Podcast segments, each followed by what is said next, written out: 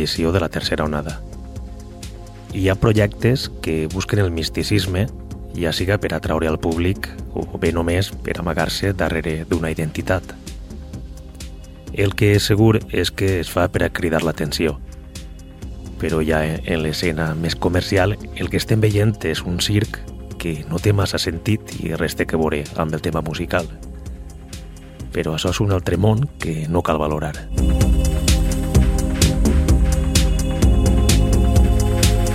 Si tinc que destacar alguns artistes que utilitzen algun tipus de màscara o disfressa per amagar la seva verdadera identitat, com no, els primers de la llista serien els francesos Daft Punk. Encara que esta parella formada per Thomas Van Galter i Guy Manuel de Jomen Cristo tenen nom i rostre coneguts de l'etapa anterior. Altres que per a mi destaquen també són l'alemany Sebastian Kramer, més conegut com a Red Shape, l'home de la màscara roja, i també el nord-americà Sherad Ingram, conegut com a DJ Stingray, l'home del passamuntanyes. La història del passamuntanyes de DJ Stingray és un tema fascinant. Tant el passamuntanyes com el seu pseudònim va ser un regal del gran James Stinson, 50% de Drexcilla que lamentablement pergué la vida en 2002.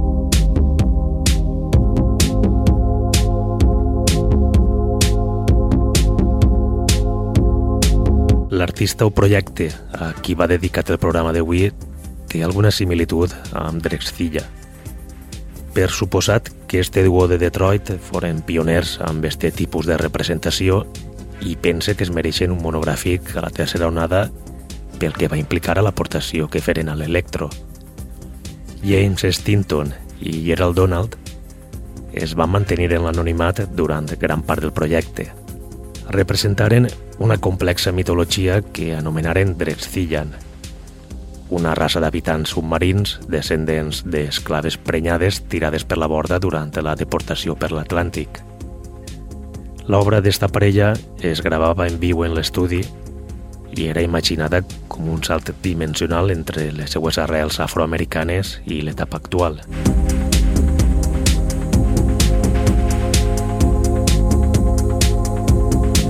Un altre projecte similar i de més actualitat és The Exaltics, una banda formada tan sols per l'alemany Robert Wiszakowski. Dic una banda perquè el nom fa pensar que The Exaltics està format per més d'un component, i això mateix és el que pensa la majoria.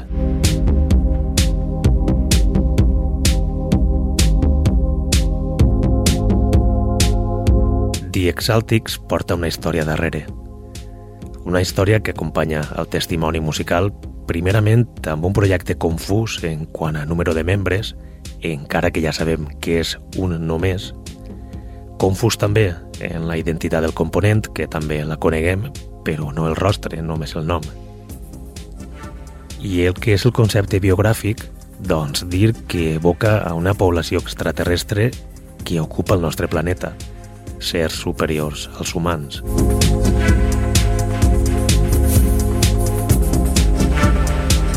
Robert Wiszakowski fundava junt a Nico Yayela Solar One Music. Setxell que estrenava catàleg en 2007 amb un primer llançament a càrrec de The Exaltics anomenat 10 Million Light Years. Era també la primera referència que firmava Wiszakowski com a The Exaltics – electro en estat pur que insinua l'avançament tecnològic d'una raça suprema. Escoltem High Voltage Accelerator, tercera pista d'esta primera aportació de la mística banda alemanya.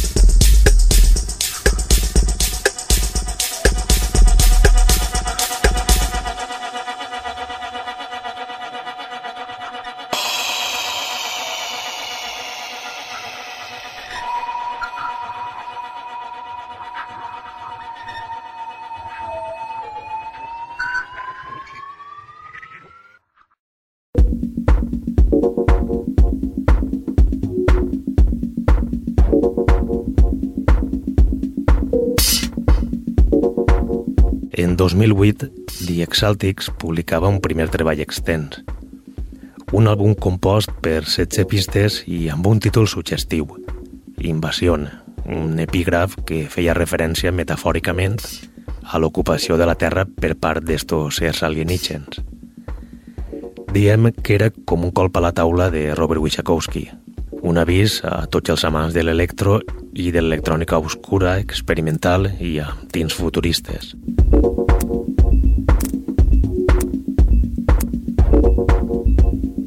The Exaltics transmet amb invasió una dimensió abstracta d'un altre món, amb textures ambientals que, al igual que cobren rellevància, passen seguidament a un segon plànol mentre els sons més estranys canvien fantasmalment el panorama d'esquerra a dreta, tot dominat per imponents greus i ritmes metàl·lics.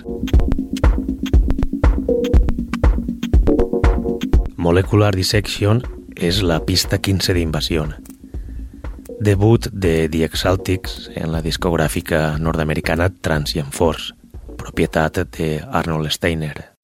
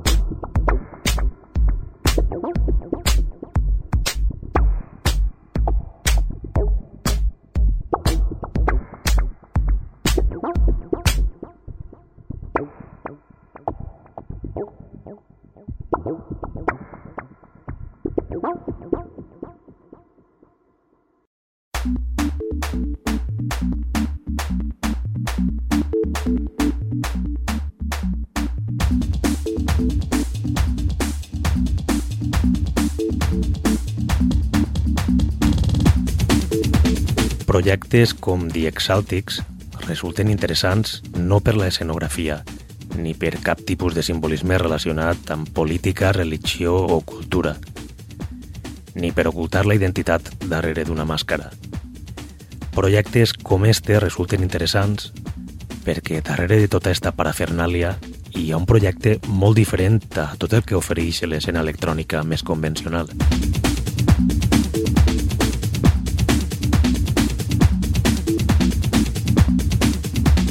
The Exaltics és diferent, al igual que Solar One Music. Amb esta discogràfica, Robert Wishakowski exhibís també tota eixa història que envolta el seu personatge relacionat amb la ciència-ficció i els sers superiors d'altres galàxies. Este setxell seguí la mateixa sort que la majoria en este món.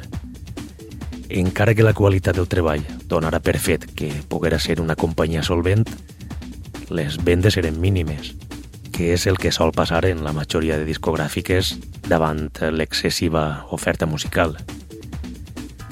Però la sort de Solar One Music canvia quan la plataforma holandesa Clone es queda el catàleg sencer i comença a planxar cada una de les referències.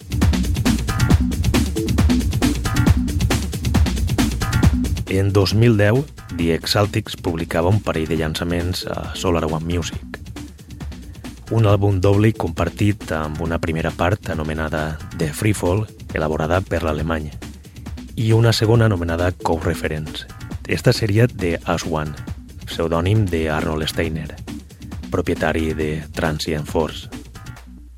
A més a més, The Exaltics també publicaria en 2010 The Clash EP, senzill amb cinc pistes i amb un estil que donava continuïtat a aquesta filosofia relacionada amb amb la ciència-ficció. Escoltem Reticulation Nose, quartall de The Clash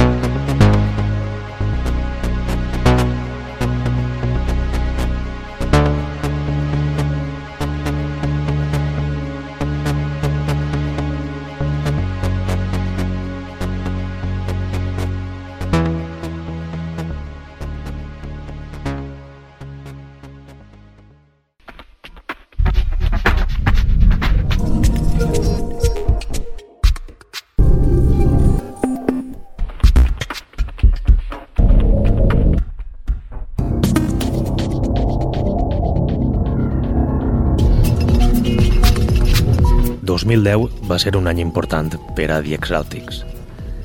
A més de consolidar-se al seu setxell, firmava un enorme treball a una de les discogràfiques que millor representa l'escena underground europea, Bunker Records, plataforma creada en 1992 pels holandesos Junen Mobius, que arrencà clandestinament i que es va finançar amb aportacions d'un públic que, segons els propietaris, estaven prou afectats pel consum de l'SD, LSD que a més venia un dels components de Junen Mobius.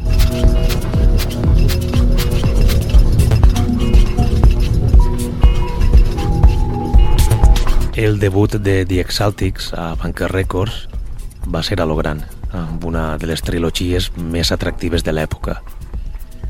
Les tres parts es publicaren en 2010 en sèrie limitada amb un resultat que el que mostra és un resum de l'experiència de Robert Wishakowski per a donar-li forma a un projecte conceptual, un projecte amb un estil molt personal i desenvolupat per a combinar gèneres com el techno, l'electro, l'àcid i l'ambient.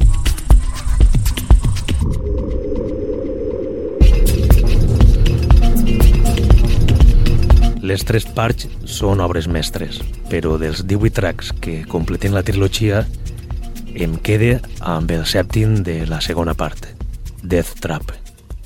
Per a mi, un tema impressionant.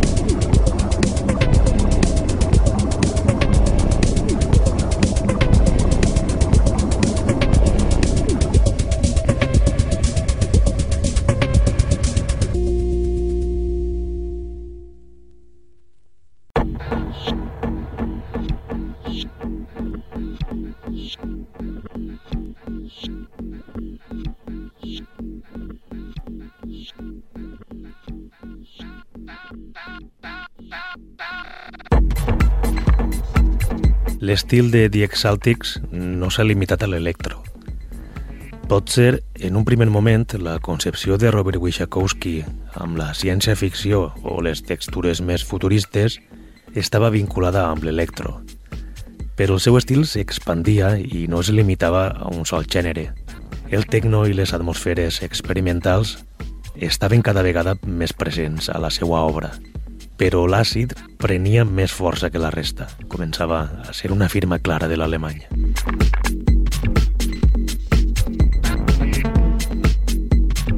En 2013, The Exaltics publicava la primera part de Das Haze Experiment, àlbum que firmava en la discogràfica londinenca Abstract Acid.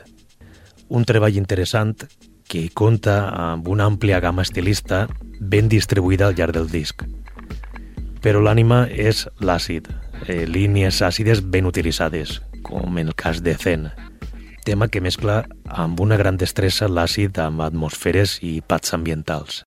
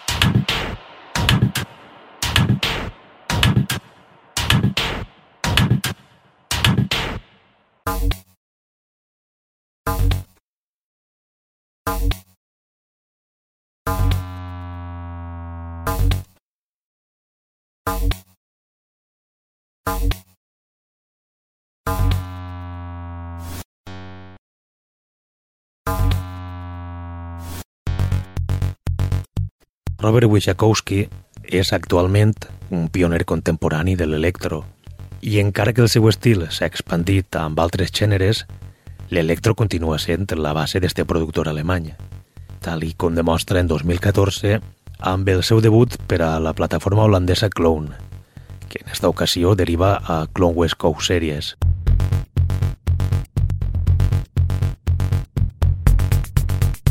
The Exaltics torna a la fórmula habitual, i recupera de nou el tríptic per format. Una altra gran trilogia de so futurista i serio en la que es mostra més íntim i melancòlic, travessant una línia que ha estat cultivant al llarg de tota la trajectòria.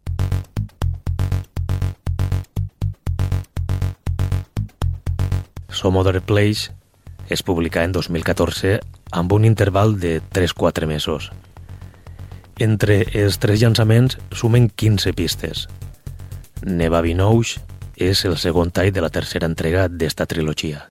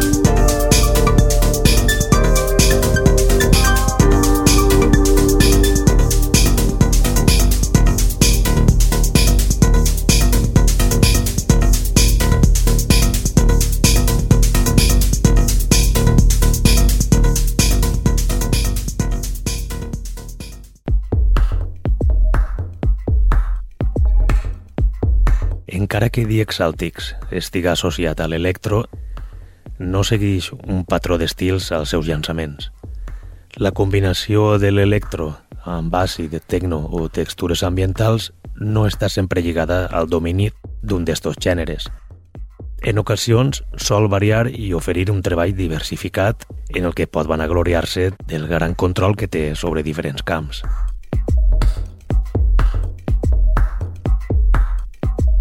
El millor exemple de pluralitat creativa de The Exaltics pense que és The Girl and the Chameleon, àlbum que publica en 2015 al setxell holandès Shekwerk. Una gran referència que brilla per la disparitat i pel control de l'alemany per oferir des de pistes completament ambientals, sense ritme algun i carregades d'obscurantisme, fins a down tempo, techno o àcid marcat i brut. The Age of the Hydra és un dels temes que més força desprèn d'este llançament.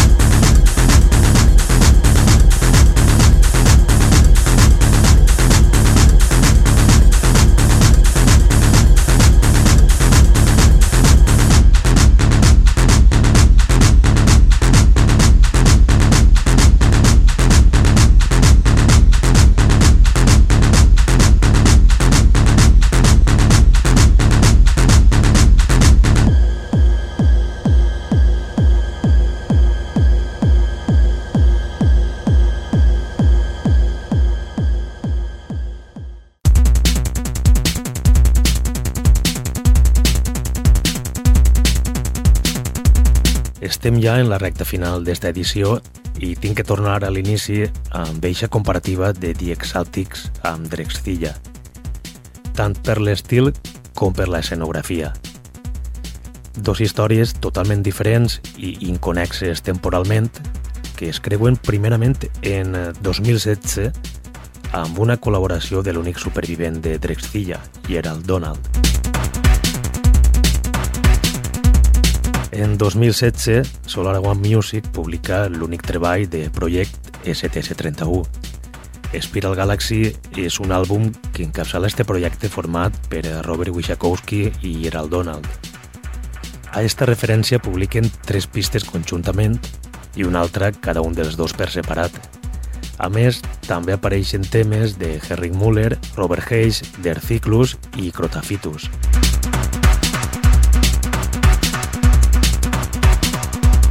El mític Gerald Donald reapareix de nou a Solar One Music en 2018 per a col·laborar amb The Exaltics amb un dels temes d'eixa segona part de Das Heinz Experiment. Àlbum que ve acompanyat esta vegada amb un còmic on es detalla la història de l'experiment Heise.